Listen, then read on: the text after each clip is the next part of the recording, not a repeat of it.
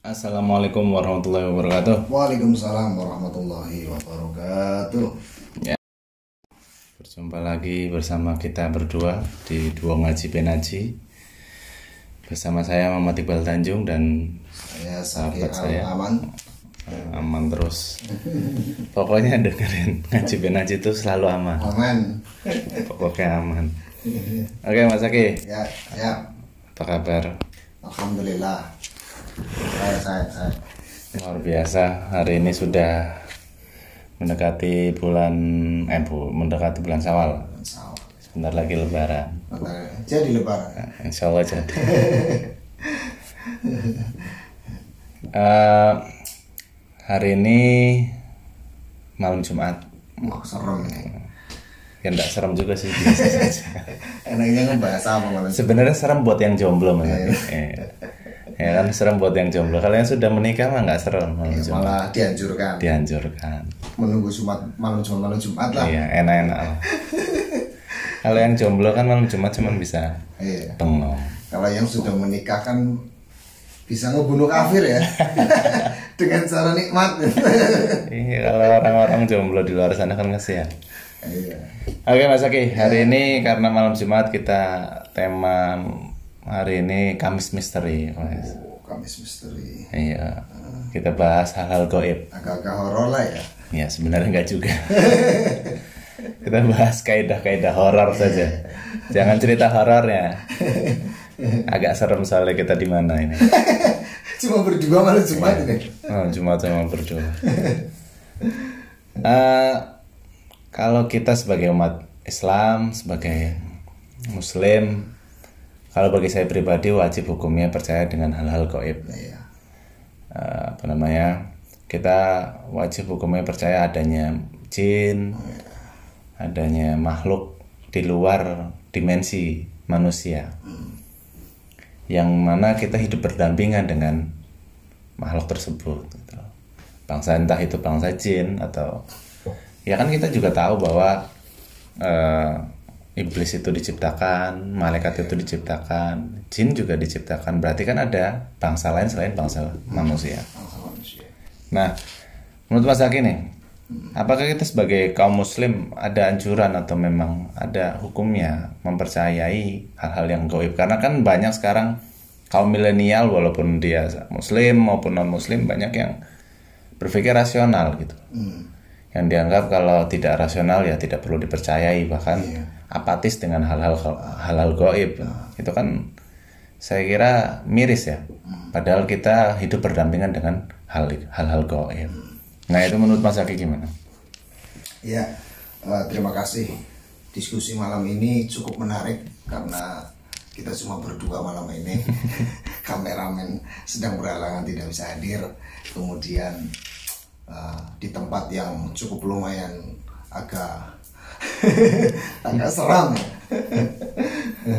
Tapi kita akan bahas bukan bukan bukan seremnya, kita bahas kaidah-kaidahnya tentang apa tentang hal-hal yang berbau gaib dan sebagainya. Baik, eh, men- apa menyambung dari apa yang tadi sudah disampaikan oleh Mas Iqbal bahwa tentang hal-hal yang gaib ya. Ini kita patut percaya dan patut yakin bahwa kita tahu Allah Subhanahu wa taala ini menciptakan eh, selain daripada dunia juga dengan seisinya. Apalagi kemudian kita sudah pernah mendengar kisahnya Nabi Adam alaihissalam kemudian eh, yang yang sempat jadi satu penghuni di dalam surga gitu kan. yang kemudian apa namanya eh, berdampingan dengan iblis juga tersebut. Maka kemudian iblis tidak mau apa tidak mau tunduk atau dan patuh kepada malaikat eh pada Nabi Adam yang kemudian diturunkan ke bumi dengan apa namanya dengan rasa kesombongannya. Artinya gini eh, di dunia ini Allah menciptakan bukan hanya manusia. Akan tetapi Allah menciptakan seisinya dalam bentuk bermacam-macam yang pertama manusia kemudian yang kedua ada jin ada setan, kemudian ada tumbuh-tumbuhan dan sebagainya. Ini ini yang kemudian Allah Allah menciptakan selain daripada manusia. Akan tetapi ada kemuliaan yang dimiliki oleh manusia dibanding dengan makhluk-makhluk lainnya. Bahwa kita wajib percaya kepada hal-hal yang goib yang tidak yang tidak terlihat nampak dan sama sekali. Karena apa? Karena apa namanya? Ya goib itu sebenarnya ada, bahkan berdampingan dengan kita setiap harinya. Sesuai apa yang disampaikan oleh Mas Iqbal bahwa kita wajib percaya. Ya semacam contoh eh, kita percaya apa namanya eh, hal-hal yang goib ini kan kayak bentuk malaikat pun juga. Kemudian bentuk jin juga goib. Nah sebenarnya mereka juga sama kehidupannya seperti manusia. Eh, menjalankan aktivitas keseharian kesehariannya. Kemudian mereka hidup berdampingan dengan kita. Maka yang sudah betul-betul kita betul-betul kita apa namanya uh, kita tahu bahwa Allah Subhanahu wa taala menciptakan makhluk yang ada di dunia ini bukan hanya sebagai manusia yang secara kasat mata bisa kita lihat, tetapi ada dunia-dunia yang lain yang apa namanya yang tidak bisa kita lihat akan tetapi itu wajib kita percayai karena apa? Karena yang gaib itu juga ada. Contoh yang gaib banyak lah, malaikat gaib, kemudian iblis gaib, tidak kelihatan yang tidak nampak dengan kasat mata. Kemudian apalagi yang berwujud gaib ya? Banyak. Banyak lah ya. Iya kayak misal jomblo mengharapkan perempuan gitu kan. Itu kan masih gaib. Goib. Dia berharap perempuannya nggak berharap itu kan goib. Hal goib itu. Nggak kelihatan, nggak kasar. kelihatan. Nah, ya jadi kita wajib percaya mas karena Ya. eh, dulu pada saat apa namanya pada saat Rasul uh, diisra mi'rajkan oleh Allah Subhanahu Wa Taala pun bertemu dengan sosok-sosok yang eh, tidak bisa nampak secara kasat mata oleh manusia biasa.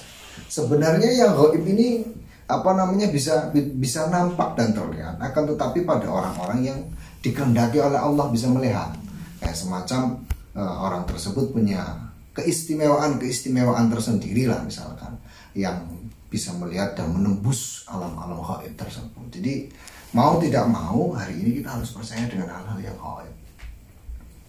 Kemudian eh, jelas ya, maksudnya eh, kita memang mau tidak mau memang ada. Ada. Apa namanya dunia yang tidak kasat mata, bangsa jin, bangsa setan, manusia kayak setan.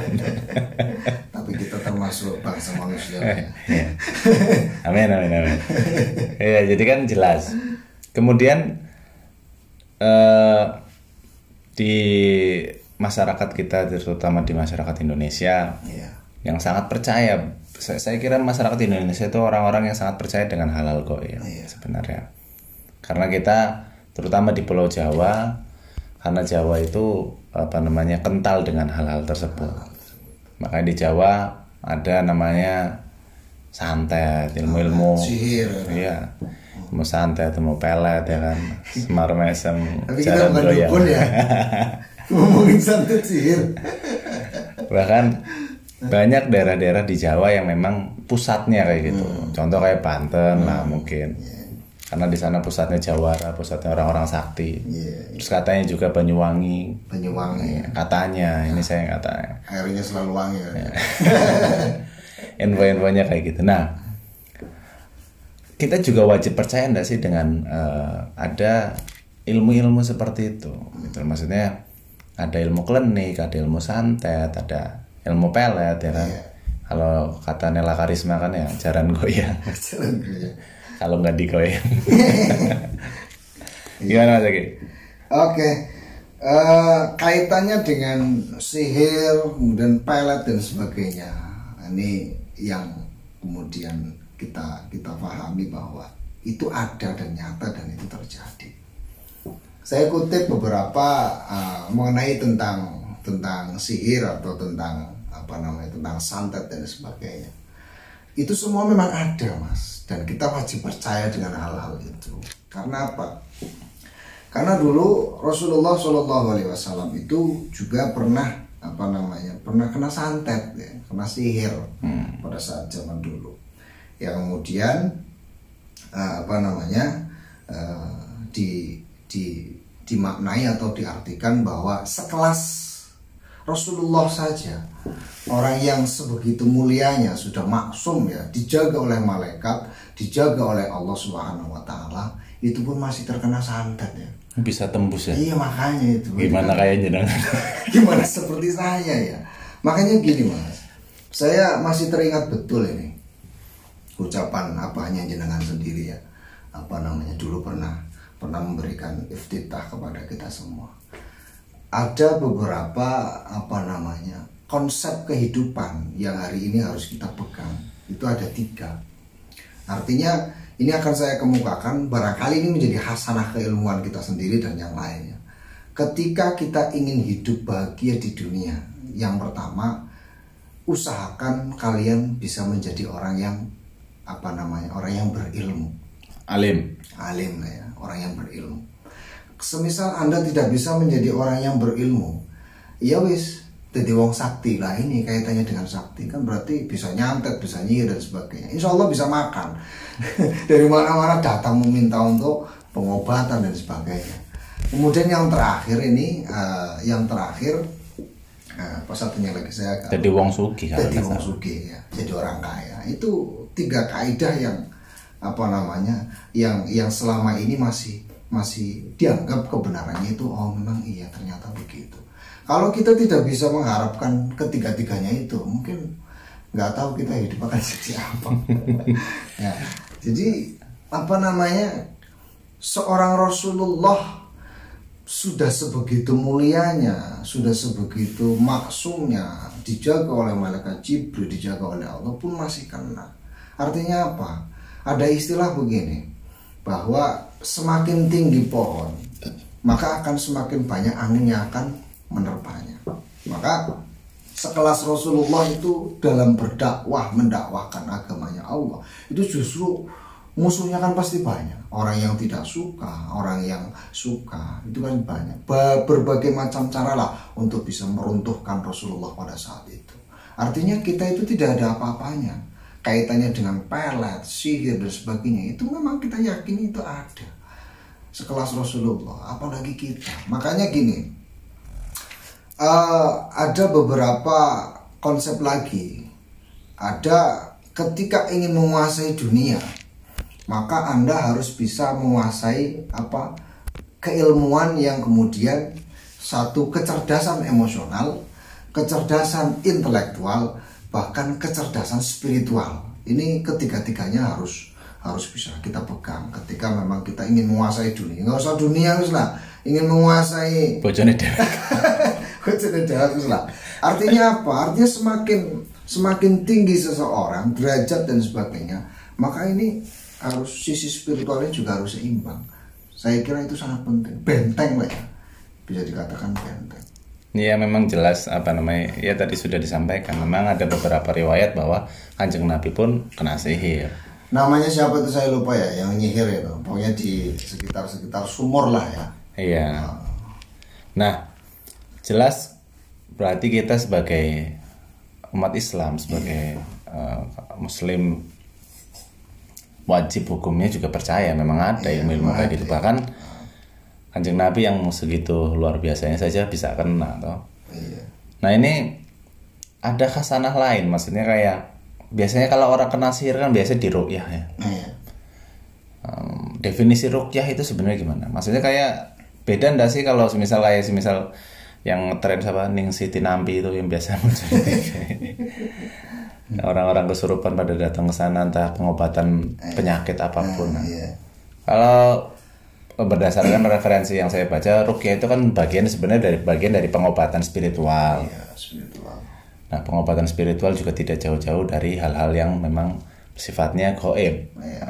Entah kadang karena orang itu ada bahasanya itu damyang. Bahasa damyang paham damyang. Damyang itu ada yang anak sing ngintili lah bahasanya, ada yang ngikutin. Oh, ada yang ngikutin dari sebangsa kayak gitu. Iya. Iya maksudnya bangsa jin juga mungkin kan punya Ketertarikan. punya ketertarikan terhadap manusia. Tidak tidak semua maksudnya jangan makanya gini loh. manusia itu jangan terlalu acuh lah dengan hal-hal yang ya hal seperti itu. hal-hal yang goib gitu karena ternyata memang kita hidup berdampingan dengan mereka. Nah nah lagi soal rukyah tadi. Sebenarnya definisi dari rukyah itu gimana? Maksudnya metode rukyah itu kan sekarang banyak digunakan ya. Luar biasa sudah banyak. Saya kira ustadz-ustadz yang menggunakan metode rukyah untuk metode salah satunya metode pengobatan spiritual.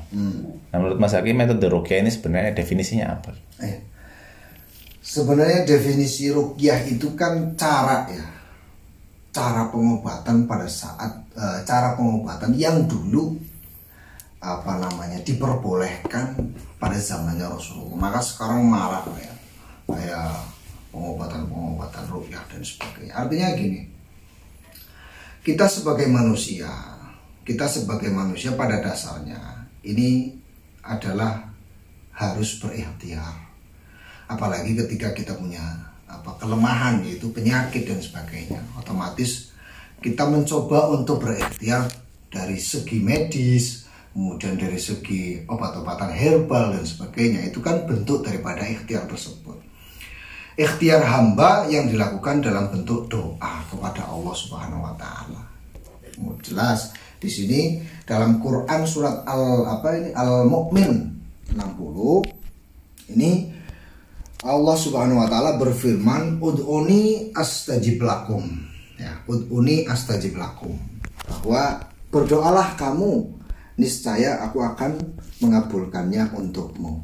Jadi jelas artinya metode-metode ru'yah ini adalah bentuk ikhtiar kita bentuk usaha kita untuk bisa apa namanya untuk bisa kemudian berdoa kepada Allah Subhanahu wa taala dengan cara-cara yang sudah diajarkan oleh apa namanya diajarkan oleh para ulama-ulama kita, para guru-guru kita sehingga itu bisa menjadi wasilah kita kepada Allah Subhanahu wa taala mempercepatkannya kesembuhan-kesembuhan. Salah satunya adalah dengan metode rukyah itu sendiri. Nah, di sini apa namanya?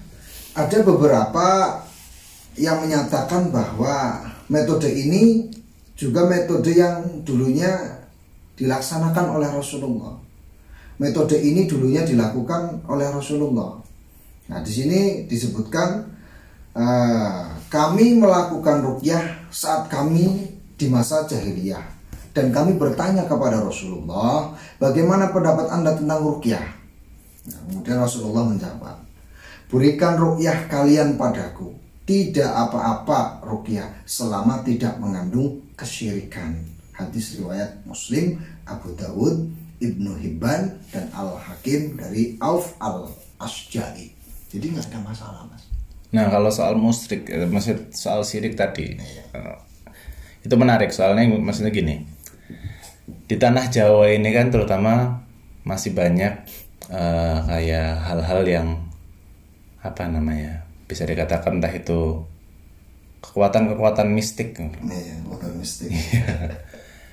ya bisa dalam bentuk keris ya kan, biasanya ada keris, terus kemudian ada eh, entah itu batu atau jimat, ya. Kan?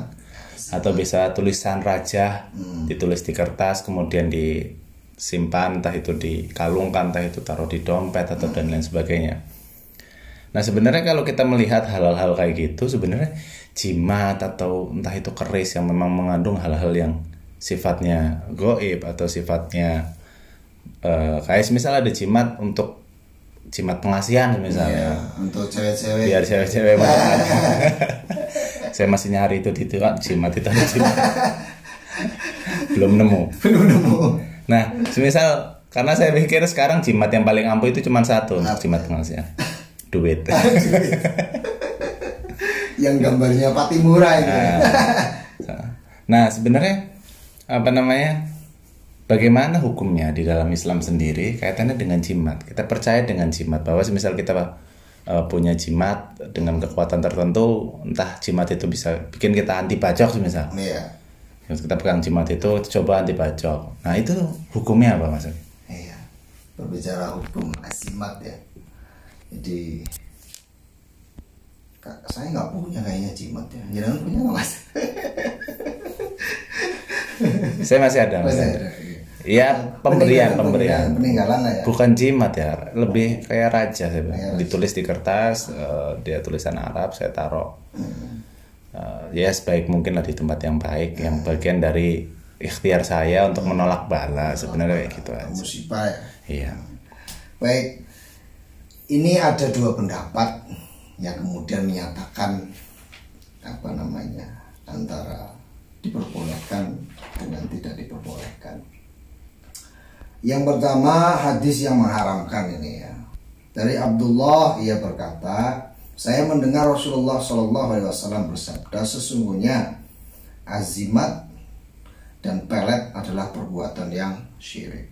Itu tidak boleh ada ini pendapat yang yang yang tidak sepakat hadis riwayat Ahmad kemudian ada lagi dalil ya, dalil Nabi Muhammad membolehkan dari Auf bin Malik al Asja'i ia meriwayatkan bahwa pada zaman jahiliyah kita selalu membuat azimat dan semacamnya. Lalu kami bertanya kepada Rasulullah, bagaimana pendapatmu ya Rasul tentang hal itu? Rasul menjawab, coba tunjukkan azimatmu itu padaku, membuat azimat tidak apa-apa, selama di dalamnya tidak terkandung kesyirikan. Hadis riwayat Muslim. Artinya apa? Jelas mas, kalau di kalangan kita, ya, kalau di kalangan kita sebangsa azimat itu nggak ada masalah karena berdasarkan dengan dasar tersebut tadi yang membolehkan. Kalau kemudian kalangan yang bukan kita jelas itu mendekati kepada kemusyrikan atau bisa dikategorikan mereka mengeklaim bahwa itu musyrik dan itu tidak boleh dan itu apa namanya tidak diajarkan oleh Rasulullah. Tapi kita jangan lupa bahwa Rasulullah pun ada ada ada dasar yang kuat membolehkan itu juga dasar yang tadi seperti itu ya. Iya kadang saya juga mikir gini, antara keimanan dengan syirik itu kayak dianggap tipis sekali. Iya. Maksudnya ada kegiatan kita yang memang eh, berbau-bau apa namanya hal-hal yang menyekutukan Allah itu dianggap langsung dijustifikasi bahwa itu syirik. Padahal kalau saya menganggap ya, kalau saya menganggap pribadi bahwa jimat itu bagian dari eh, mediator. Maksudnya mediasi entah itu jimat, entah itu keris atau dan lain sebagainya. Semisal jimat tentang tolak bala semisal.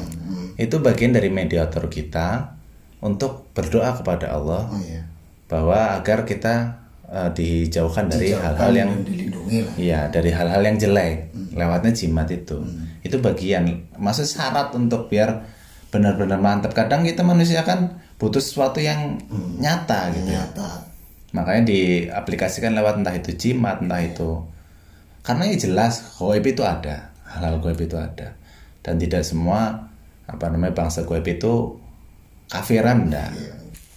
Nah, makanya saya kira jimat itu tidak memang jelas sih tadi jenengan sampaikan tidak tidak serta merta soal syirik atau makanya gini syirik itu kan berarti manusia atau eh, kita sebagai umat Islam benar-benar menyekutukan Allah. Dan itu tidak bisa diadili maksudnya dalam artian manusia nggak bisa menghakimi orang dengan dia pakai jimat dia dianggap menyekutukan Allah. Padahal kan hati orang siapa yang tahu kan ibaratnya kita cinta sama orang aja belum tahu apalagi hal-hal kayak gitu nah ini serius makanya banyak sekali saya sering sering kali bahwa kita menjust apa mm, menjustifikasi bahwa kita beriman saja saya tidak berani karena Allah yang tahu bahwa kita ukurannya ukurannya kita sama Allah. Iya, Allah yang tahu bahwa kita beriman atau tidak. Makanya ya kaitannya tadi dengan hal-hal syirik juga. Walaupun kita punya jimat, punya keris, kalau memang hati kitanya lillahi ta'ala ya saya kira tidak masalah. Nggak masalah. Kayak halnya gini mas, kalau eh, kita ngebahas mm, apa syirik ya, ketika ada orang yang mengatakan begitu, coba eh, kita posisi sakit nih ya, sakit. Kemudian yang kita andalkan adalah seorang dokter yang kemudian dianggap bahwa orang tersebut bisa eh, menjauhkan dari penyakit-penyakit apa dan sebagainya. Ketika kita percaya dengan dokter tersebut, ya itu sudah kategori syirik. Artinya apa? Artinya kita tidak boleh eh, mengatakan secara langsung orang yang suka apa namanya memakai azimat, memakai raja dan sebagainya yang kemudian langsung dikategorikan syirik ya menyekutukan Allah itu kan nggak boleh. Secara secara secara mudahnya kita mengandalkan azimat tersebut juga hampir sama seperti pada saat orang sedang sakit pergi ke dokter. Mm-mm. Ya kan itu kan bentuk ikhtiar. Bentuk ikhtiar kita yang kemudian apa namanya? eh, mencoba untuk bisa menghindari atau mengobati ya, mengobati eh, dalam rangka manusia tersebut dijauhkan dari eh, musibah atau dan sebagainya. Kayak contoh manusia yang datang ke dokter kan ingin terhindar dari penyakit-penyakit yang membahayakan.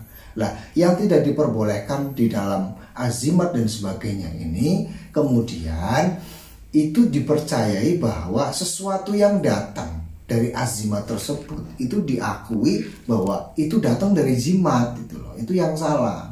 Bahwa Rasulullah itu memperbolehkan azimat tersebut ini dalam rangka bahwa azimat tersebut tidak menyekutukan dirinya kepada Allah.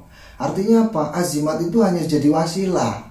Azimat itu jadi ikhtiar. Tetap semua yang menentukan adalah Allah Subhanahu wa taala. Terus satu lagi. Azimat yang diperbolehkan ini adalah azimat yang di dalamnya tertuliskan sebuah ayat-ayat Al-Qur'an. Itu yang pertama. Kemudian raja-raja itu kan juga diperbolehkan karena apa? Saya yakin mas, walaupun itu adalah ijazah dari seorang tokoh-tokoh ulama yang kita pernah berguru ke siapa, mesantren ke siapa, kemudian kita diberikan ijazah dalam bentuk raja. Saya yakin guru-gurunya ulama-ulama tersebut yang turun temurun memberikan kepada murid-muridnya itu menciptakan huruf-huruf raja seperti itu. Itu pun tidak sembarangan. Kayak semacam contoh nih mas, saya pernah diberikan pengasihan ya. pernah ya saya. Pepelet. Ada semar mesem. Tolong mana? Nah, itu setelah ini ada Semarendong. Kemudian yang masih populer terngiang di telinga saya ini. Niat ingsun, pan maca dong asing pedut peteng dredet kawul kawul ingsun jin lan manusia. Ora urut jin lan manusia wuru ingsun ingsun ingsun katone alas lan segara. Itu itu Kasih ijazah mau. Dan itu dari guru saya itu. Jadi apa namanya ketika memang apa namanya? Saya yakin betul. Orang yang menyusun kalimat-kalimat ini kalimat-kalimat raja dan kalimat-kalimat apa namanya yang namanya azimat itu kan bisa berbentuk raja bisa berbentuk huruf Romawi bisa berbentuk huruf apa dan sebagainya bahkan huruf Jawa dan sebagainya. Saya yakin. Orang yang merumuskan ini tidak sembarang merumuskan. Orang yang membuat kalimat-kalimat ini juga tidak sembarang apa merumuskan kalimat bahwa itu semua mengandung makna arti kehambaan kita kepada Allah, pengharapan doa kita kepada Allah yang semata-mata bahwa azimat dan raja itu adalah jadi wasilah kita kepada Allah Subhanahu wa taala. Kayak gitu. Intinya gini wes, secara gampangannya eh, saya ingin ngirim sesuatu ke Mas Iqbal misalkan, posisi Mas Iqbal di Jakarta. Otomatis kan saya harus ke kantor pos. Lah pos tersebut kan harus ada belangkonya. Hmm. Belangko yang kemudian yang mahal ada ya yang sedang ada pengen bisa nyampe tiga hari bisa nyampe sana apa enggak kalau pengen tiga hari bisa cepet sampai sana ya berarti harganya agak mahal nih gitu berarti kan penghasilnya agak agak lumayan lagi lumayan tinggi kan gitu saya kira itu mas Iya iya iya. Nih yang jomblo-jomblo kasihan dari tadi dengar pengasihan terus ilmu nih bagi-bagi yo. bisa datang ke studio lah Nah kemudian Mas Oke, ya eh, berbicara dengan ha- eh, berbicara hal-hal goib tadi, kita kan sering dengar banyak lah apa namanya kisah-kisah misteri di luar sana. Ada kayak contoh kemarin beberapa waktu bulan yang lalu lah sebelum corona beredar. Ada soal KKN Desa Penari. Iya. Kemudian ada banyak lah kisah-kisah misteri di luar sana yang sebenarnya apa namanya jin atau bangsa yang menunjukkan diri berwujud seperti entah itu kuntilanak, entah itu pocong atau genderuwo dan lain sebagainya. Itu tuh apa sebenarnya? Apakah memang itu bangsa jin yang menyerupai hal-hal tersebut untuk eh, akhirnya biar manusia takut masuk ke daerah tertentu? Makanya kadang saya pikir gini, eh, bahwa saya anggap orang-orang itu salah kaprah. Iya. Kaitannya dengan kuburan. Hmm. Orang kan selalu berpikir bahwa kuburan itu tempat yang angker, serem. Orang mau ke kuburan aja nggak berani. Bah- Bahkan sampai akhirnya tidak mau ke kuburan sama sekali karena saking takutnya terhadap bangsa setan. so- Padahal saya kira itu adalah bagian dari fitnahnya bangsa setan agar kita jauh dari kuburan. Mereka menyerupai eh, hal-hal yang memang ditakuti oleh eh, masyarakat secara umum, entah itu pocong, kulintung, kuntilanak, dan genderuwo dan lain sebagainya. Agar orang-orang menjauhi kuburan. Padahal rumah yang paling baik salah satunya adalah selain di dekat masjid, di dekat kuburan. Karena sebe- kita sebagai umat Islam kan memang salah satu hal yang paling baik adalah ingat tetap ingat mati. Makanya berarti kan ini bagian dari fitnah setan agar kita jauh-jauh dari tempat yang baik sebenarnya. Ini ada tempat baik, ada kita harus sering-sering ke makom nengok orang tua kita di sana karena kita takut setan akhirnya kita jarang-jarang ke makom. Nah ini gimana menurut jenengan? Ada sih ya nyanyiannya Saben malam Jumat ini Hmm. Iya Sebaik-baik orang adalah orang yang selalu ingat akan kematian Dan seburuk-buruk orang adalah orang yang tidak pernah sama sekali ingat kematian. Itu jelas. Bahwa tadi yang disampaikan oleh Mas Iqbal Bahwa kaitannya dengan kuburan ya. Ini menjadi apa namanya fitnah dari iblis dan setan agar orang-orang jauh daripada apa namanya kuburan tersendiri. Bahwa di sini ada pula ada satu hal yang tidak bisa diserupai oleh iblis, setan dan jin kafir dan sebagainya. Kan eh, jin kan juga berupa ada, ada dua macam ya, ada ada jin Islam, ada jin kafir, kemudian kalau iblis dan setan jelas, Jelas. itu jelas kafir semua. Manusia juga ada, manusia setan. Ada satu yang tidak bisa diserupai oleh mereka, yaitu menyerupai wujudnya Rasulullah. Itu nggak akan bisa.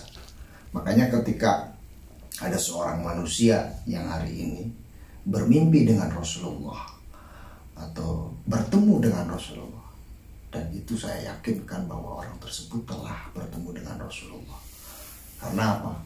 Karena jin kafir, baik jin muslim, iblis dan setan tidak akan pernah menyerupai, tidak akan pernah bisa menyerupai yang namanya makhluk yang paling mulia yaitu Rasulullah SAW. Adapun kaitannya dengan pocong, gendrowo dan sebagainya, itu bentuk penyerupaan daripada apa namanya jin-jin kafir atau iblis dan setan. Mereka sengaja untuk menakut-nakuti agar manusia ini tidak tidak apa tidak selalu ingat mati.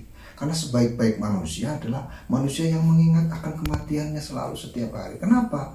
Karena ketika ingat mati, manusia akan akan apa namanya akan lebih bisa untuk mempersiapkan dirinya men, apa menanti kematian. Maka itu dikatakan sebaik-baik manusia.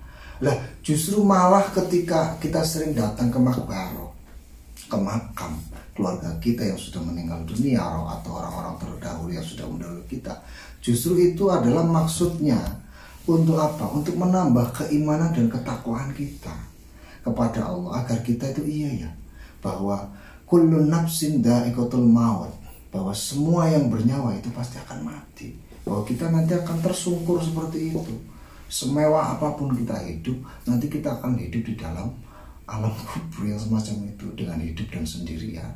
Nah sekarang tinggal bagaimana kita kemudian apa bisa apa ya bisa meyakini bahwa bahwa image daripada kuburan itu sebenarnya nggak nggak menyeramkan. Itu hanya tipu daya muslihatnya iblis dan sebangsanya yang kemudian menjauhkan mereka dari ingat mati. Dan sekali lagi itu bukan bid'ah loh ya mas ya bukan musyrik loh ya. Bukan. Iya makanya kadang kan gini eh, hal yang menarik adalah maksudnya kadang misal ada saudara kita meninggal. Iya Eh, entah itu meninggalnya anggaplah meninggalnya tidak baik. Maksudnya maksud tidak baik itu kayak kecelakaan lah ya, misal. kecelakaan. Nah terus akhirnya banyak gosip di kuburan ada tiba-tiba ada orang nangis ada orang duduk di dekat makam dengan berdarah-darah. Itu aslinya ruhnya itu sendiri.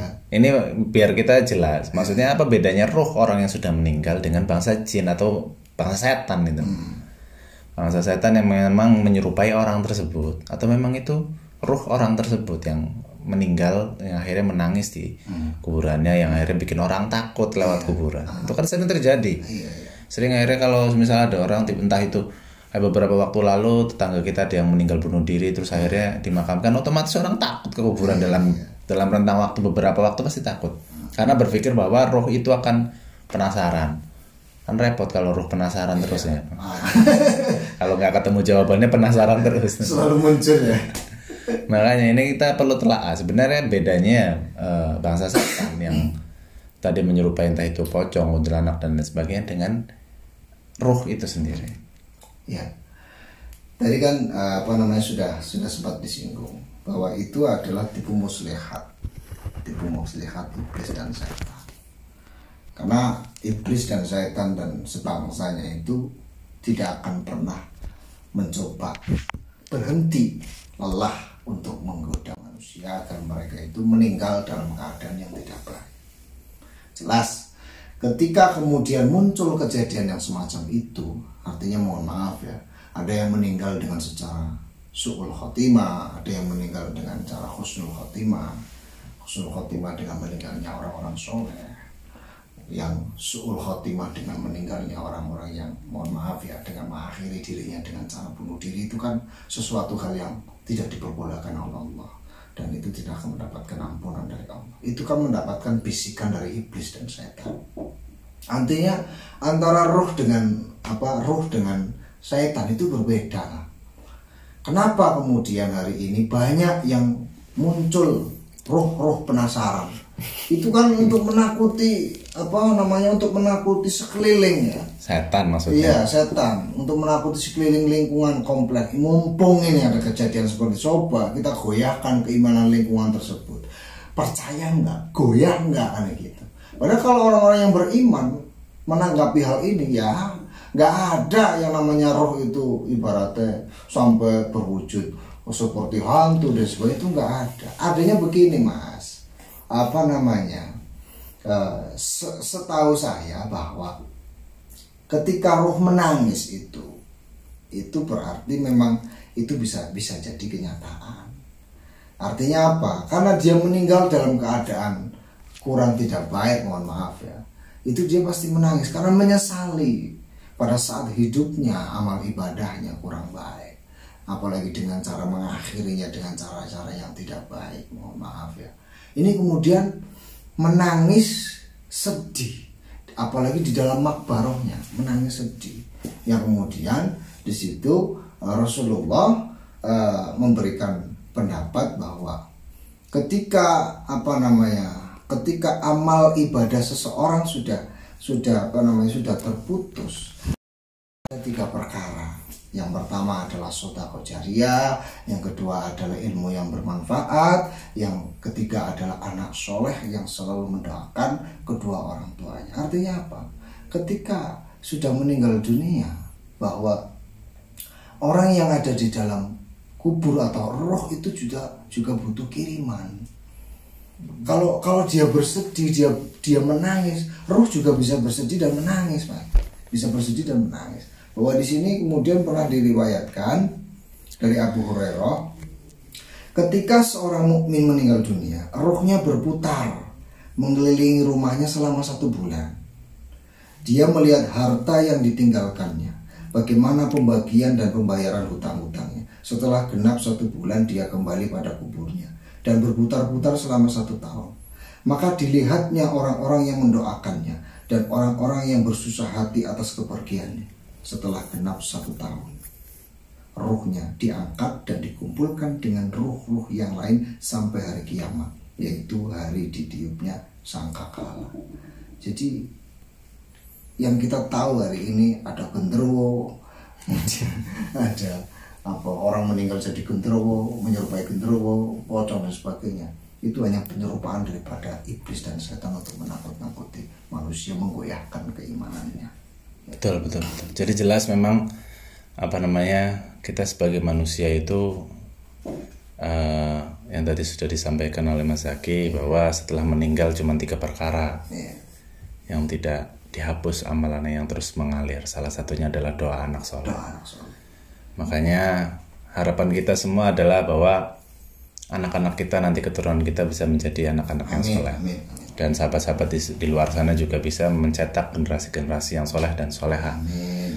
Karena akan miris, akan miris sekali kalau semisal nanti anak kita karena tidak soleh, terus ke kuburan nggak bisa baca yasin, Jadi jangan sampai kayak gini Mas Iqbal. buka YouTube gitu kan.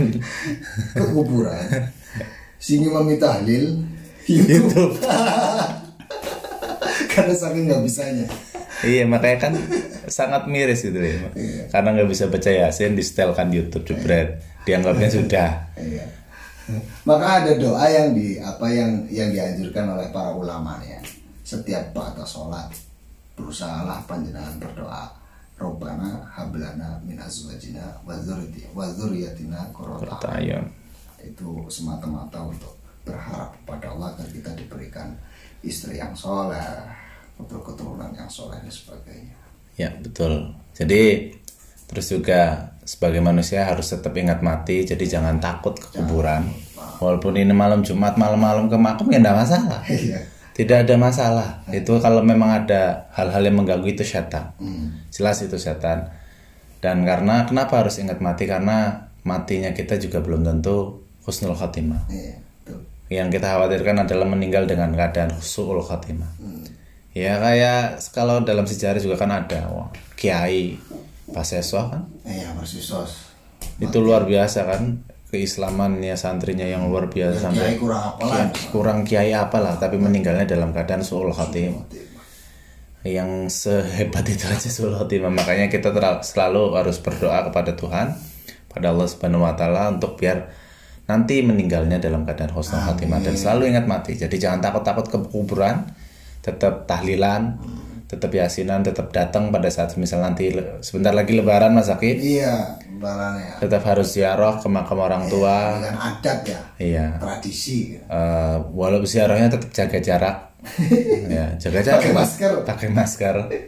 Tetap karena di tengah pandemi tapi jangan lupa tetap kita mendoakan orang tua kita di mana pun kita berada. Iya, yang ada maupun yang sudah tiada. Ya mas Aki ya, betul.